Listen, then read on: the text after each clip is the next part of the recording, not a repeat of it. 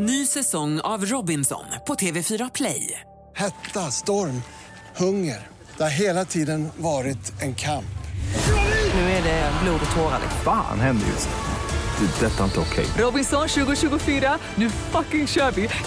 Streama söndag på TV4 Play. Podplay. Och min syster märkte att något var fel så hon, hon liksom gick iväg med mig till stugan. Och när jag kom till stugan så bröt jag ihop totalt och grät ungefär 24 timmar i fosterställning och hon höll om mig hela tiden. Åh, gud, jag ryser bara hela Så allt liksom bara... Alltså jag grät som ett spädbarn. Gud, det här är jättejobbigt. Eh. Mm. Det blir mycket känslor.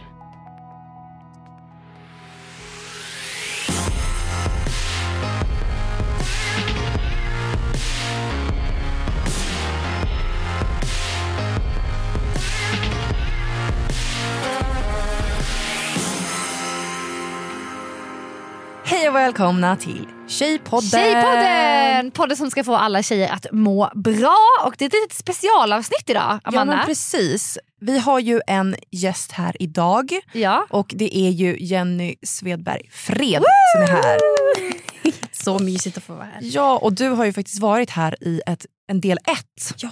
Och det här kommer alltså bli en del två för vi insåg ju att Det är en här, lång resa. det här är en lång resa och vi, vi vill inte ta bort någonting utan vi vill prata om alla de här viktiga ämnena.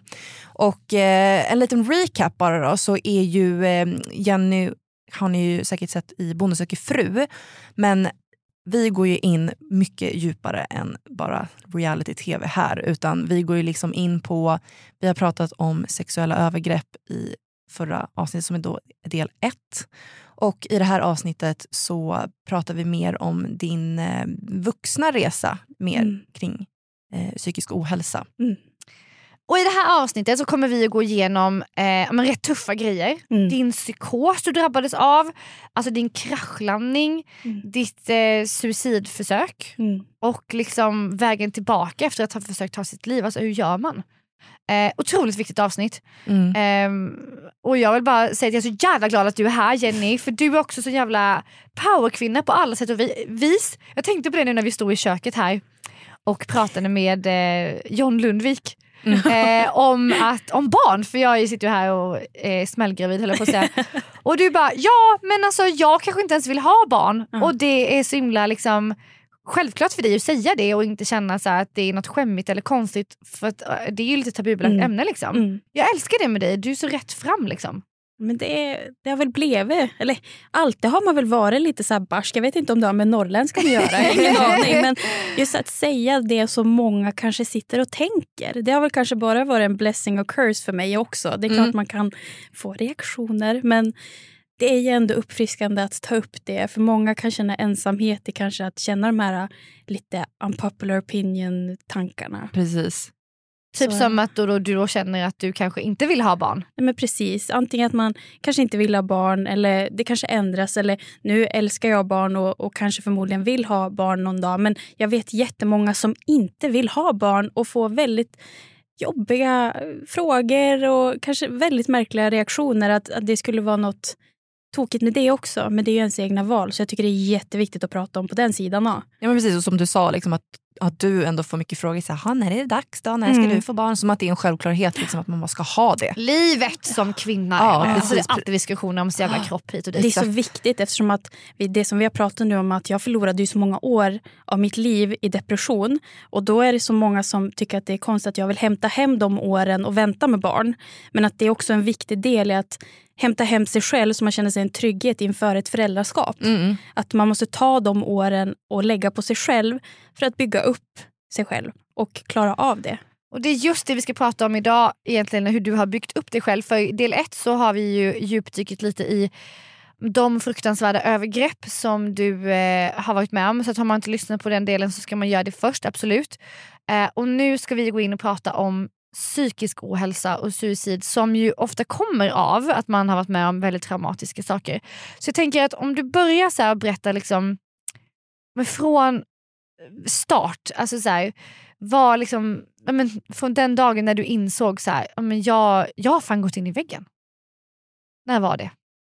Det var ju, eh, jag minns första varningstecknet var att jag fick, eh, jag började vakna mitt i natten av eh, panikångestattacker. Som att jag drunknade i mig själv. Jag kunde inte andas.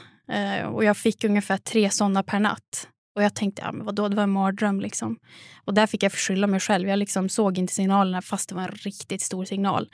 Eh, att vakna upp och verkligen säga, jag kan inte andas. Och det, det kunde pågå i en timme.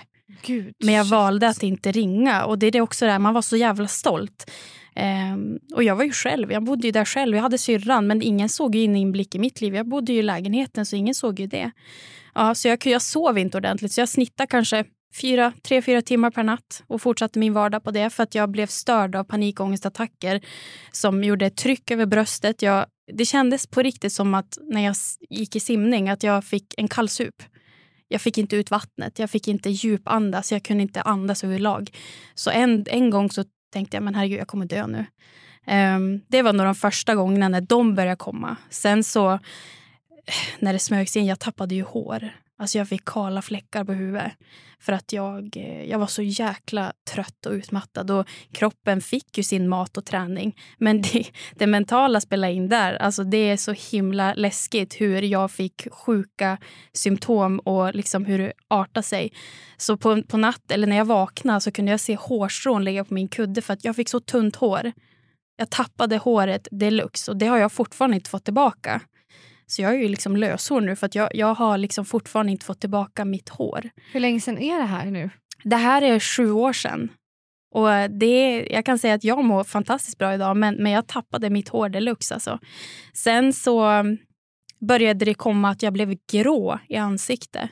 Alltså jag, jag tappade min färg i ansiktet. Och jag minns att jag stod efter att ha jobbat från 7 till 15, sen gick jag 16 till 01. Där jobbade jag faktiskt som bartender och drev, eh, jag var butiksansvarig för ett café då innan jag hamnade och frilansade inom träning. Jag höll på med det på sidan av.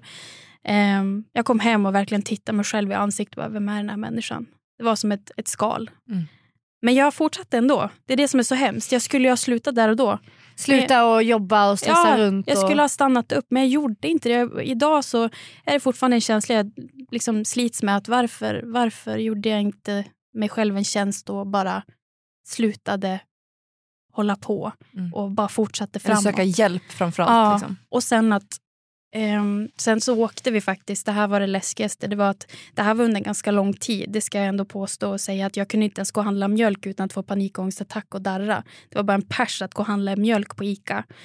Så jag kunde sätta mig ner i liksom, eh, lägenhetshuset och bara skaka och liksom, det var en pers. Det var riktigt jobbigt alltså.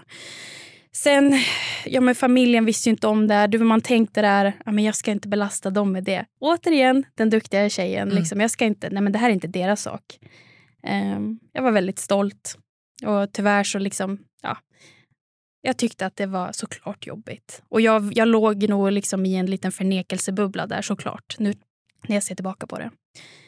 Ehm, sen så åkte vi, vi brukar åka en familjesemester varje år. Min syster, som vi närmast, alltså helsyster, hon visste ju om att jag inte mådde bra. Det visste hon, men inte i vilken utsträckning. Så åkte vi till Gotland en sommar. Det var sommaren 2015 där. Eh, Jag hade inte träffat familjen på ett halvår. Alltså vi alla samlas vid 14 pers. Och jag är jättenära min pappa.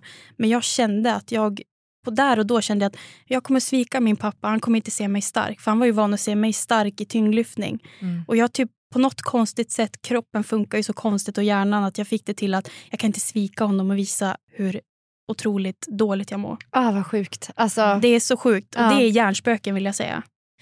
Som eh, kom upp. Och sen när vi var... ehm, jag minns att jag var eh, väldigt märklig. Jag hade inte börjat på medicin eller något. Jag hade inte börjat på någon behandling. Utan nu var det liksom eh, startskottet på att vad som komma skall. Liksom. Så att då åkte vi... Jag minns att jag var på färjan och kände liksom hur kroppen började sticka i fötterna. Så på färjan till... till Gotland. Ah, mm, mm.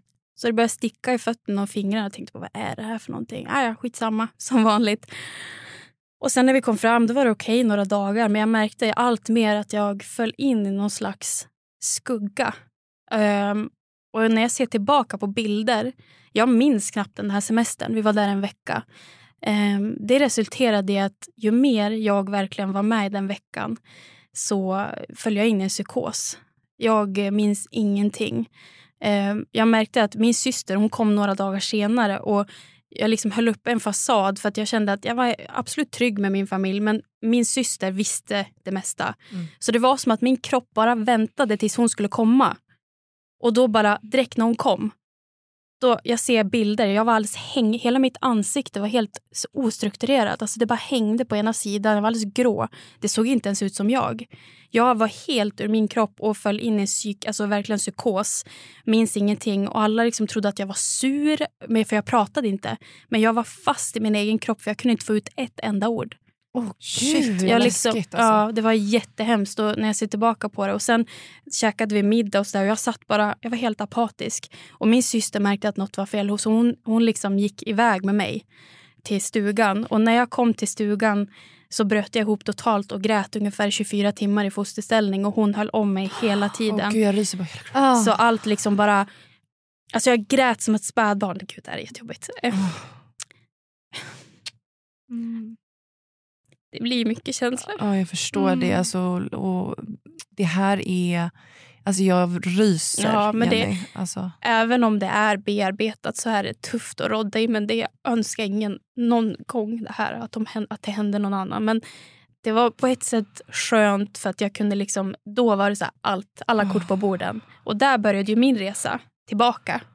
Nu var jag ju tvungen att hämta hem mig själv. Så när jag kom tillbaka till Stockholm då började min resa till friskhet. Mm. Jag var ju frisk i kropp och, kroppen. Men mentalt var jag ju helt, min hjärna var ju så utbränd att det brände hjärnceller. shit. Ja. Det här är så... Mm. Tack för att du berättar Jenny. Ja, verkligen. Gud, det, är, det är tufft men det är viktigt att folk ser signalerna, tar signalerna på allvar. Det är så viktigt för att det är då du ska ta tag i dig själv och verkligen, du förtjänar det bästa. Sätt dig själv i första rummet, för det gjorde absolut inte jag. Jag, jag satte alla i första rummet och det är en fin tanke. Men jäklar vad det har förstört. Alltså jag idag mår jättebra. Alltså jag är fantastiskt lyckligt lottad. Men just för att jag har mig själv att tacka där. För att lika väl som det tog lika lång tid att komma in i psykisk ohälsa tar det lika lång tid att komma ur. Det är Mm. jättetufft men det är så värt det. Um, just att har man väl hamnat i det, man har sviter av det. Jag kommer säkert ha det tills jag dör.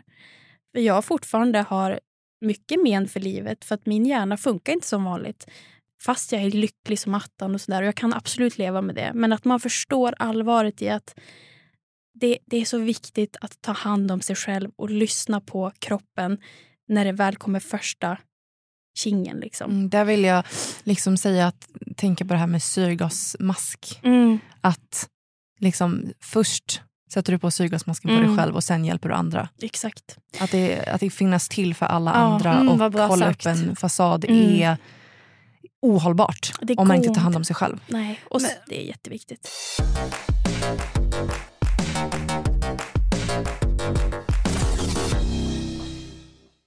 Ny säsong av Robinson på TV4 Play. Hetta, storm, hunger. Det har hela tiden varit en kamp. Nu är det blod och tårar. liksom. Fan händer just nu. Det. är Detta är inte okej. Robinson 2024, nu fucking kör vi! Streama söndag på TV4 Play. Ett poddtips från Podplay. I fallen jag aldrig glömmer djupdyker Hasse Aro i arbetet bakom några av Sveriges mest uppseendeväckande brottsutredningar. Går vi in med hemlig telefonavlyssning och, och då upplever vi att vi får en total förändring av hans beteende. Vad är det som händer nu? Vem är det som läcker? Och så säger han att jag är kriminell, jag har varit kriminell i hela mitt liv men att mörda ett barn, där går min gräns. Nya säsongen av Fallen jag aldrig glömmer på Podplay. Men Jenny, alltså det här var ju också liksom inte slutet heller för dig. Nej. För du, eh, din psykiska ohälsa fortsätter ju Mm. med också att, att eh, med suicidtankar. Och kom, Mm. Hängde det ihop liksom med den här händelsen på Gotland? Ja, eftersom att då var det befriande att få liksom upp alla korten på borden. Men sen så kommer det ju en känsla av att en tom, alltså du blir tom. Och då tänker man så här, när man såg tillbaka på min, jag liksom fick som en flashback till allt som jag varit med om och då kände jag liksom så här, men vad gör jag här? Jag har ju bara, det var så hemskt att min hjärna tänkte så. Att jag har ju bara varit. Det var som en offerkofta-roll men samtidigt så undrar jag så här, men hur kan jag som bara vill alla väl må, alltså vara med om så hemska saker? Hur kunde jag liksom, vad har jag gjort världen att jag ska liksom så ung ålder vara med om så mycket hemskt. Det är ingen idé att jag är här. För jag, jag liksom, du vet, man får de tankarna. Jag, jag fick de tankarna. Man kan ju lyssna på del ett med dig Mm. i Tjejpodden för Ja, att höra lite mer om Mm. Första delen av livet. ja, liksom. Mm. precis, vad, vad du menar nu. Exakt. Att det är så en lång resa bakåt i. Man har varit med om så mycket. att Man tänkte men det är ingen idé att jag är här. För uppenbarligen så vill ju bara folk mig illa. Och jag hamnar i kläm. Jag är på fel ställe hela tiden. Och jag kände liksom att hur duktig jag än var så räckte det aldrig. Så man kände sig otillräcklig. Och i en sån här psykisk ohälsa så funkar inte hjärnan på samma sak. Alltså på samma sätt. Det är verkligen så. så att där var det min sjukdom som pratade för mig.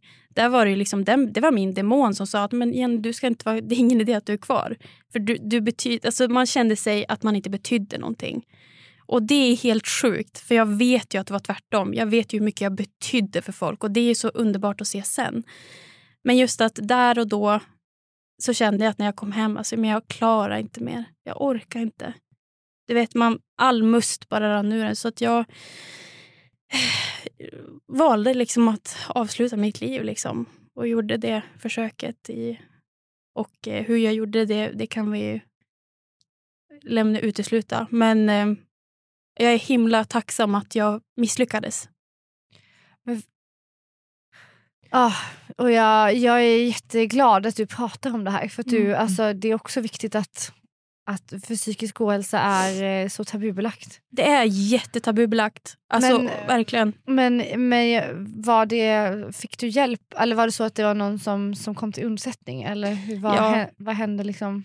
Jag, eh, det kom till undsättning och sjukhus. Och liksom, men, men just också att jag ringde L- 1177 också. Eh, och bara, jag är rädd. Alltså jag, på något sätt så var jag så tacksam att jag varit rädd för mig själv. Mm. Det var min räddning, att jag varit rädd för mig själv. Att nu har, nu har jag gjort något dumt här. Nu, nu kommer jag inte finnas mer. Du vet, man liksom fick, där kom den här lilla gnistan av livsinstinkt. Alltså le, Ja, vad säger man? Överlevnads... överlevnadsinstinkten kom in.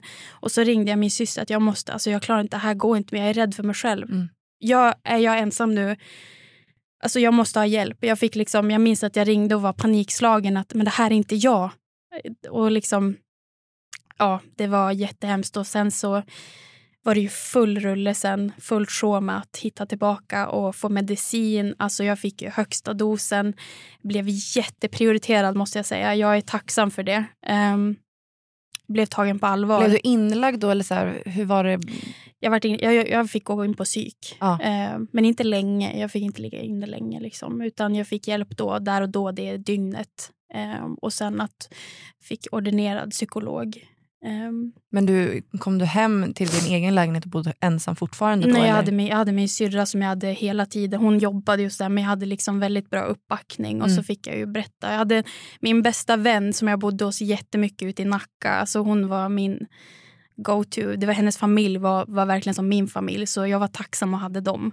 Så jag fick åka hem och sova där. Det var också mycket att jag sov borta mycket. För att när jag sov med andra då fick jag inte panikångestattacker. Mm. Så det var jätteskönt att jag hade dem. Känns också så här biologiskt på något sätt. Ja, att Ja, man, Behöver närhet och ja, men vi trygghet, är ju kärlek. gjorda för att vara flockmänniskor Ja. och någonstans känns det som att det samhället som vi skapar nu är så himla individualiserat. Alltså Ja. Man bor själv, man bor i en etta, man Ja. liksom ska fokusera på karriären. Så här. Eh, och nu har det också varit en pandemi där man inte ens har kramats på typ Ja. två år. Alltså det, det föder ju också en onaturlig... Ja, Det är så viktigt med, med fysisk närhet Ja. och, och liksom att inte känna, man känner att man är en del av en flock. Exakt. Man, man kände sig meningsfull. liksom. Mm. meningsfullhet. Nej, och sen så nu är det mycket delar som jag inte går in på helt och hållet men till respekt av dels mig själv och andra. Men att eh, det var turbulent men ändå så är jag så tacksam. Jag vet inte om det har att göra med hur jag har blivit född med min, min genetik eller mindset men på något sätt så fanns det ingen återvändo därifrån. Då var liksom, jag såg aldrig tillbaka från den dagen. Och jag är så tacksam. Jag, jag kan inte sätta fingret på det men jag var så målmedveten om att men jag fick ju en andra chans. Nu jäklar tar jag den. Nu ska jag liksom göra mitt liv till Jennys liv och inte vad alla andra vill att jag ska göra. Och Det var så jäkla uppfriskande. En tuff jäkla resa men jag skulle absolut göra om den igen om det behövdes. Um, så jag fick ju verkligen högsta dosen medicin. Jag minns syrran, hon tyckte jag var jättemärklig. Jag varit jättekonstig av medicinen första veckorna. Alltså det var som att jag levde i en glasbubbla. Jag var liksom, det tog ju bort toppar och dalar. Och där är det viktigt för er som lyssnar att när du får medicin, det är bara en hjälpmedel. För att där börjar grovjobbet. Och jag vet att man är trött, jag vet att man är så utmattad. Men där måste man förstå att det går inte att lägga sig i någon annans händer och bli helad. Där måste du vara din superhjälte. Och det är skitjobbigt, jag vet. Men där gäller verkligen att förändring, söka efter nya vägar. Funkar inte den ena, men ta den andra. Um, och så där började grovjobbet för mig när jag fick högsta dosen. Så. Men alltså, Amanda, du har ju också varit med om psykisk ohälsa mm. men på mm. ett annat sätt och mycket med ångest och så. Precis. Vad, och den har ju du, vi har pratat mycket om det, att du har liksom bearbetat den mycket. Alltså, vad, vad hittar man den styrkan till att Ja, alltså någonstans som du säger... Att det är svårt man, att förklara. Ja, verkligen. Men jag tänker också att du hamnade ju lite som man kan kalla liksom så rock bottom. Ja. Att det finns ingen annan väg än upp. Liksom. Jag kunde inte ligga kvar. Liksom. Nej, och att det som... Tänk vad mycket tid man lägger på andra människor, på jobb, på liksom, man ägnar så mycket tid åt saker. Att här får man på något vis också tänka så här, men nu ska jag lägga den här tiden på mm. mig själv. Mm. På att så här, det kommer bli så, det är så himla värt mm. att få må bra sen. Exakt. Och att få ha, som du säger, äga sitt eget liv och, och ta sig liksom framåt. Så det är verkligen det är en investering och mm. det tycker jag är så viktigt att folk liksom är så här, ja det kanske är dyrt med psykolog och mm. hit och dit. Men, bara, men tänk vad liksom, kläder du köper eller mm. resor och grejer. Det är så värt att investera i sig själv. Mm. Lägg de pengarna på verkligen alltså personlig utveckling som ja. jag jobbar med idag. Det, alltså, vi pratar inte ens om det i skolan förut. Alltså, och det är det jag är ute och pratar om i skolvärlden. Personlig utveckling. Mm. Lägg pengar på din personliga utveckling. Du kommer ha en försäkring som är så stark och trygg. Som är det bästa du kan investera i. Som du kommer kunna tackla livet om det är tufft. Du kommer kunna glädjas med när det är bra.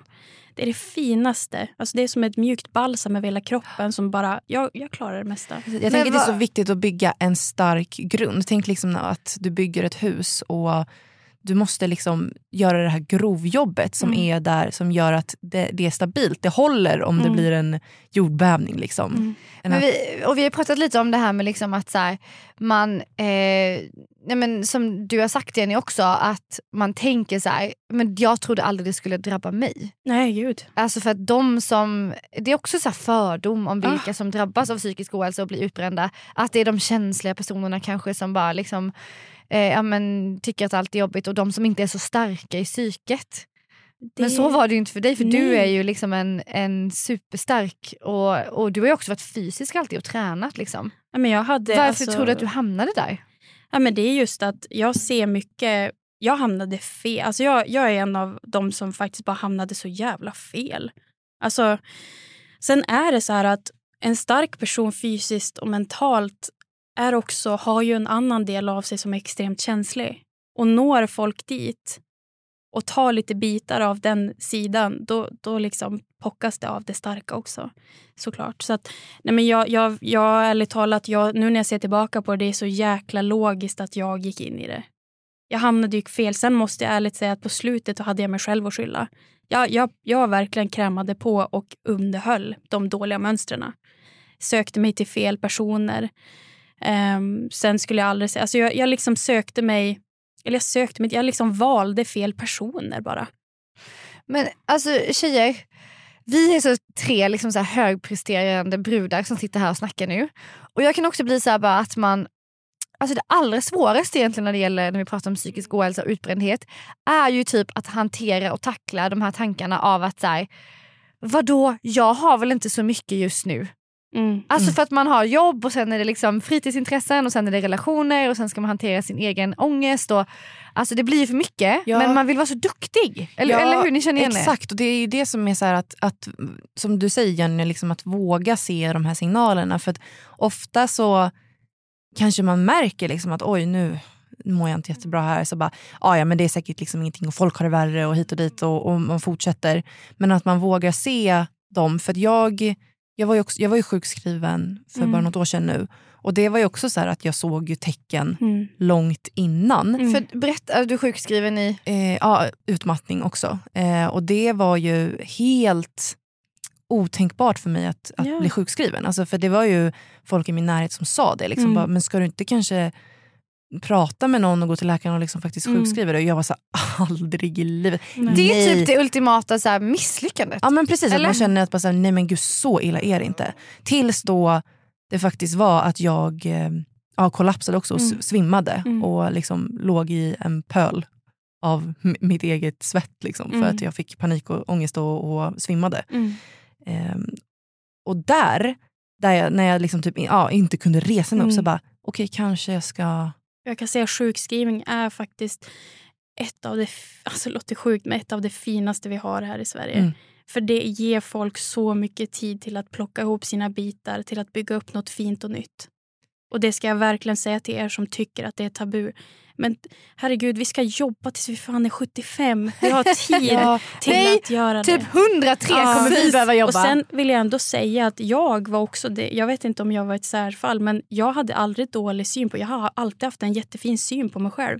Jag har aldrig haft ångest egentligen innan över min prestation. Jag har alltid varit så här, ja, men jag gillar mig själv. Alltså jag har alltid tyckt om mig själv. Så att jag ändå vill säga liksom att det kan hända de som faktiskt tycker om sig själv och inte har hjärnspöken. För jag har Mm. alltid varit ganska okomplicerad och hamnade i det här.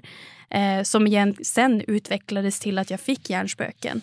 Men att man också liksom förstår att det är ingen tabu utan det är så här, ja då har vi hamnat här. Nu får vi tänka om och hitta en ny verktygslåda. Och hur gör man det? Det finns olika sätt. Jag kan säga att det handlar inte bara om att investera pengar i en psykolog. Jag kan säga jag gick till kyrkan och fick hjälp. Mm. Jag fick prata med någon, jag vet inte riktigt vad det heter. men jag, Diakon. Ja, så jag fick prata jättemycket där. Sen gick jag på jättemycket föreläsningar. Så jag vill ändå ge tipset till er som lyssnar att har man inte pengar, vilket jag absolut inte hade, jag fick låna pengar och det är också tabu för många att säga. Jag hade absolut inte ekonomin som jag har idag. Eh, jag fick spara ihop liksom varenda krona för att till slut söka mig till någon som jag kunde betala. Och så fick jag be om hjälp med min familj. Vad är det sjukt? Alltså, känner, ska det ens vara så? Kan man Nej. inte få det liksom... Och det är, det, det är därför det finns så bra grupper idag som man söker sig till. Jag gick, alltså, det finns så mycket som helar också än att bara gå och prata och sitta med någon som man inte känner. Att gå ut och ta en självförsvarskurs eller gå och testa en ny sport. Alltså att, att utöva fysisk aktivitet är ju balsam och medicin kan jag säga som är lättillgänglig. Eh, prova nya saker. Det är läskigt när man mår dåligt. Men att ständigt liksom gå ut. Min psykolog sa en sån fantastisk grej. Hon sa så här. Jag var så här, men gud jag är så trött, jag orkar inte. Bara, men hellre att du går ut och är glad och har kul, trevligt i, i liksom en timme. Gå hem och är liksom trött och glad än att vara hemma och ledsen och utmattad. Ja. Men också då att man måste faktiskt göra avkall och prioritera saker Ja. i livet. Alltså för man kan ju inte heller bara tro att man ska addera massa sporter och, och aktiviteter. Utan Precis, för då man blir det ju ännu plocka, mer. Ja, man måste plocka bort. Exakt, och Och jag- det är viktigt att se över. Jag brukar prata om när jag föreläser så brukar jag skriva upp en, en fotbollsplan. Och så brukar jag skriva alla livsöden eller vad man nu har i livet. Till exempel kärlek, jobb, relationer, ett ex, trauman, vad som helst. Nu vill jag att ni får en bild av det. Och sen har man en avbytarbänk här. Då ser man över vad har jag för spelplan? Vad kan jag jobba med? Funkar det här upplägget som vi har gjort nu? Kan jag ta bort en skadad spelare, byta ut med någon ny?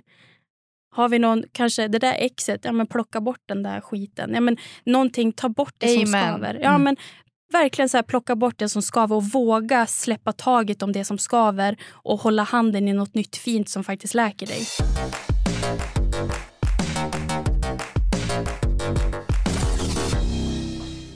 Ny säsong av Robinson på TV4 Play. Hetta, storm, hunger. Det har hela tiden varit en kamp. Nu är det blod och tårar. liksom. Fan händer just nu. Det. Detta är inte okej. Robinson 2024, nu fucking kör vi! Streama söndag på TV4 Play.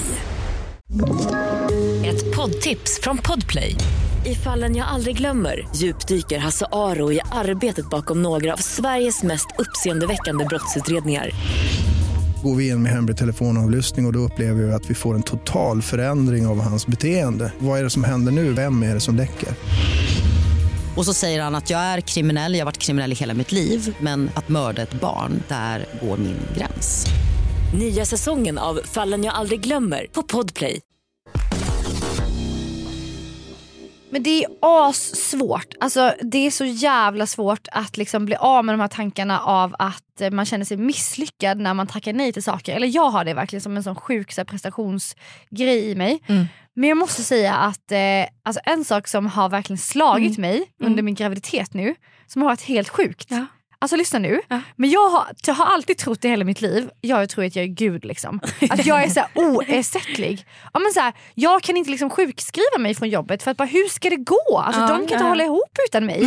Och bara, jag kan inte sjukskriva mig från den här dejten med min kompis för hon kommer ju bli asledsen. Vem ska hon då prata med? Hon har, jag är ju asviktig för henne, eller jag är jätteviktig för min familj och jag måste finnas där för min syster och jag måste lalla. Ja, men så har jag legat nu i fyra månader och spytt som en jävla gris. Då, liksom, och varit, alltså, och det går, då kan man inte finnas där för någon. Alltså, det är verkligen så här, min kropp har ju tvingat mig. Mm. Och Jag tror typ att det är så här lite undermedvetet för att jag är en så här väldigt eh, hög en, energisk person. Mm. Jag tror typ att min kropp har varit så här: du är gravid, eh, du ska baka ett barn, du måste ta det lugnt. Ja. Vi gör så hon blir jätteillamående för då kommer hon Ja, inte klara av det. Lite så kanske. Ja men vet ni vad, jag, vad, jag, vad vi har kommit till insikt då? Det känns som att jag har fått en sån uppenbarelse. Ah. Ja, Att jag är inte oersättlig. Nej. Eller jo! Eller är jag oersättlig? Nej jag är inte oersättlig. Nej, jag, är jag är inte oersättlig. Alltså så här, eh, det, det löser sig. Alltså jag, har ju, jag har ju sjukskrivit mig på jobbet alltså på de absolut viktigaste typ inspelningsdagarna Ja. vi har haft. Och det har gått jättebra. De har hittat Ja. ersättare som har gjort det jättebra. Och jag har fått sjukskriva mig från så här dejter med mina tjejkompisar. Jag har inte kunnat finnas där när de har behövt mig. Mm. Men de har klarat sig jättebra ändå. Men då är det så viktigt också att förstå att nu är det deras tid att finnas där för dig. Ja men just den tanken så här, det kommer gå, du kan. Ja. Alltså för många som är superstressade och liksom på randen till utbränd säger ju så. Mm. Jag kan inte sjukskriva mig för att det, ja, jag måste finnas för mina barn, Mm. min familj, mitt jobb. Ja men du kan. Mm. Alltså det går. Mm. För du annars- måste ju göra det. Precis, och annars så går det ju så pass långt att du ja, blir, Det blir fysiskt värre. tvingad för att kroppen kommer Mm. stänga ner. Och då, Men livet löser sig. Alltså man, man, du är inte oersättlig och det kommer att så här, det finns plats för dig att vila och du är inte misslyckad om du gör det. Nej, och sen be om hjälp. Ja, be exakt. om hjälp och underrätta att nu behöver jag hjälp med det här. Att man, man sätter på egoknappen ännu mer för du är fortfarande inte egoistisk utan det är livsnödvändigt. Och att man liksom känner att men underrätta omgivningen att nej, men nu skulle jag vilja göra tid för man, man är liksom man är sitt eget maskineri. Hur ska det annars funka? Som för mig, ja, men det gick ju åt helvete just för att jag gjorde sådär. Och då var det liksom värre i slutändan. mm, Då gick ju hela fabriken i, i konkurs. Precis, liksom. och det är ju det att ju fortare du märker Mm. också de här signalerna, du, Mm. ju, alltså desto fortare du faktiskt börjar ta itu med det, desto Mm. kortare tid är ju vägen tillbaka. Ja, och verkligen ta itu med det innan och förstå att personlig utveckling är någonting du ska prioritera. Så du som lyssnar, verkligen gör det. Ta bort liksom, det här med jobb till exempel. Det finns mycket jobb. Kanske inte alltid det första tillgängliga som du drömmer om. Men att försöka acceptera, och absolut, allt är jobbigt det här med förändringar och utveckling. Men gör man det lite till och lite till, upprepa, så blir saker lättare. Bara man börjar någonstans. Men att till exempel ta fem steg bak för att komma tio steg fram. Jag kan säga att jag är ett praktexempel på att halka efter. Och shit vad det tog mig tio steg längre fram. Det är så viktigt att förstå att processen kan inte gå på en grisblink. Mm. Utan det tar tid, men att det är så jäkla värt det. För då vet man att du hinner med, det blir tryggt, det blir stabilt och det blir ordentligt. Så kvalitet före kvantitet. Precis, och alltså, så personlig utveckling och sånt, alltså, det är ju någonting som är så viktigt för alla oavsett. Alltså, Ja. Inte bara om man är liksom, i en utmattningsdepression eller psykisk ohälsa utan för alla människor. Liksom. Och Mm. prioritera det. Ja. Liksom, är det en, en timmes träning eller att du vill gå och fixa naglarna eller att du vill bara sitta och meditera. Ja men gör tid. Den enda, det kan jag säga så att när folk säger, jag var en sån som sa det, jag har inte tid. Jag bara, men gör tid för 17. Jag, jag vill bara varna alla att gör tid för det. För det är så värt det. Jag önskar att jag gjorde det tidigare. Annars måste man göra tid när man väl har gått in i väggen och Ja. ligger där. Alltså, då kan du inte gå till jobbet. Nej. Och då är det så här, ja då får de klara sig utan dig. Alltså, exakt. det är lite så. exakt. Men jag ska läsa, läsa lite fakta hörni, om just eh, psykisk ohälsa och eh, utbrändhet i Sverige. I Sverige är depression den vanligaste typen av psykisk ohälsa. Cirka 36 procent av alla kvinnor, alltså det är mycket hörni, det är över en tredjedel. Och 23 procent av alla män i Sverige kommer någon gång under sitt liv att genomgå en depression. På andra och tredje platser av de vanligaste typerna av psykisk ohälsa kommer utmattningssyndrom och social fobi. Under 2020 dog 1168 personer av säkert fastställda suicid i Sverige. Av dessa var 839 män och 323 kvinnor och sex stycken var barn under 15 år. Idag lever drygt 20 procent av alla barn i världen med någon typ av psykisk ohälsa. Alltifrån ångest, depression till ätstörningar och schizofreni. Eh, och psykisk ohälsa kan behandlas effektivt. Lyssna på det här. För studier har visat att 70-90% av alla personer med psykisk ohälsa mår avsevärt bättre efter att ha fått behandling. Ja, och det är det jag vill trycka på att det går. Har du inte till exempel personlighetssyndrom som till exempel att man får borderline eller något som man måste förhålla sig till hela livet. Som jag, jag, jag, fick, jag var ju självförvållad på ett sätt. Men att det går att behandla. Det tar tid, men det är så värt det. Och ju tidigare du gör det, desto mer har du en längre tid att leva. Underbart. Det pratar jag mycket om i min dokumentär. Jag har släppt också Du och jag mot psykisk ohälsa. Att, den kan man se på? Den kan man kolla på min Youtube nu. Eh, Jennys Fred. Ja, Jenny Svedberg Fred. Och sen så har jag väl släppt den på Void och i det här projektet som vi gjorde 2020 så drog vi in 30 000 till Suicide Zero som jobbar effektivt för att hjälpa folk att vilja välja livet. Så det är oh, wow. extremt viktigt. Så det är ett av de finaste projekten jag har gjort och är väldigt stolt över. Nu faktiskt kan jag avslöja att det kommer att bli en del två. Oh, Gud det, vad kul. Så det kommer yes, vara, det känner jag. Ja, verkligen. Så det håller vi på och ska planera nu och jobba för. Så det kommer att bli verktygslåda 2.0 till de som faktiskt har kommit ur eller kanske är på väg ur eller hur gör jag efteråt. Så. Amanda, vad, om man lyssnar på det här och eh, känner att man behöver hjälp, ja. vad, vad liksom kan man vända sig För det är så viktigt när vi pratar om de här ämnena att man förstår att så här, ta hjälp. Precis, vi eh, vill ju säga här till alla, så här, om du känner igen dig, om du mår dåligt, om du kanske nu när du hör det här börjar tänka på varningstecken som du faktiskt kanske märkt av. Så är det så här, om du är under 25 år så kan du kontakta en ungdomsmottagning. Då kan man gå in på umo.se och kolla vad som finns i närheten. Är du över 25 år så kan du kontakta eh, vårdcentralen. Och, eh, de har ju psykologer, så alternativt kontakta privat liksom, psykoterapeut eller psykolog. Du kan ringa till självmordslinjen på 90 101, alltså 9101. Där kan du, eller du kan också gå in eh, på nätet och chatta med dem. Eh, och Ibland så kanske du bara behöver dela dina upplevelser, tankar och känslor med någon som lyssnar. Då finns det jourhavande medmänniska. Och Det är till för dig som söker medmänskligt stöd på natten. Eh, och Den nås på 08 702 1680. Eh, och Sen finns det också, är du orolig för ditt barn eller ett barn i din närhet så kan du ringa föräldratelefonen på 020 85 20 00. Och jag tänker att vi lägger in de här numren och så i beskrivningen så att mm, ni kan hitta dem där. Precis. Mm. Ja men alltså så jävla viktigt att prata om det här ja. eh, Jenny. Alltså, tack för att du kom och delade din historia med oss. Mm, du är så jävla grym och viktig. Mm, de här två avsnitten har varit alltså, de viktigaste mm. avsnitten ja. vi har spelat in. Ja. Och sen vill jag trycka även på att idag eh, när man ser mig så är jag helt fri från psykisk ohälsa men sviter av det så att man vet att det går att få en framtid där man faktiskt får göra upp sin egen spelplan och må bra. Mm. Det är det som är så inspirerande med dig för du är ju liksom du är så liksom bubblig, glad och liksom fantastisk. Och då är det så här, man, man kan ju inte ens Ingen alltså, tror att Nej, man kan inte ens tro det. det är ju liksom... så det är. Det är ju ja. så det är med psykisk ohälsa. Precis. Men vad kan man följa dig Jenny om man vill hänga med på, på din eh, framtida resa i allt du tar dig för? Jag brukar mest vara på Instagram och då är det Jenny med Y, S som är Sven, Fred med två E, så det är Jennys Fred. Och sen Youtube lägger jag ut mycket av vardagen och då är det Jenny Weber Fredag. Och sen kommer man se alla projekt där som jag delar. Så att jag, ja, det är bara att hänga med. Och ni kan ju alltid följa oss på tjej podden på Instagram och man kan hitta dig Amanda på Amanda Lekland på Instagram. i ett ord och eh, så kan man hitta mig på johanna.blad, B-L-A-D-H. Ja. Alltså jag vill Åh. bara prata vidare här men eh, Verkligen, vi tack. stänger av och vi fortsätter. Tack Jenny, du är otrolig. Tack detsamma. tack för att jag fick tack. vara med. Ja, Ni är tack. fantastiska. Puss och kram. Puss och kram.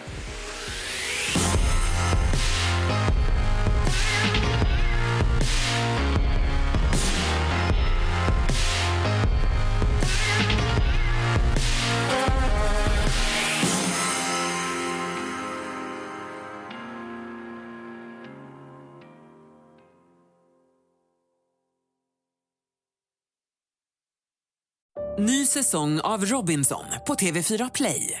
Hetta, storm, hunger. Det har hela tiden varit en kamp. Nu är det blod och tårar. Fan händer just nu. Det. är Detta är inte okej. Robinson 2024, nu fucking kör vi! Streama söndag på TV4 Play.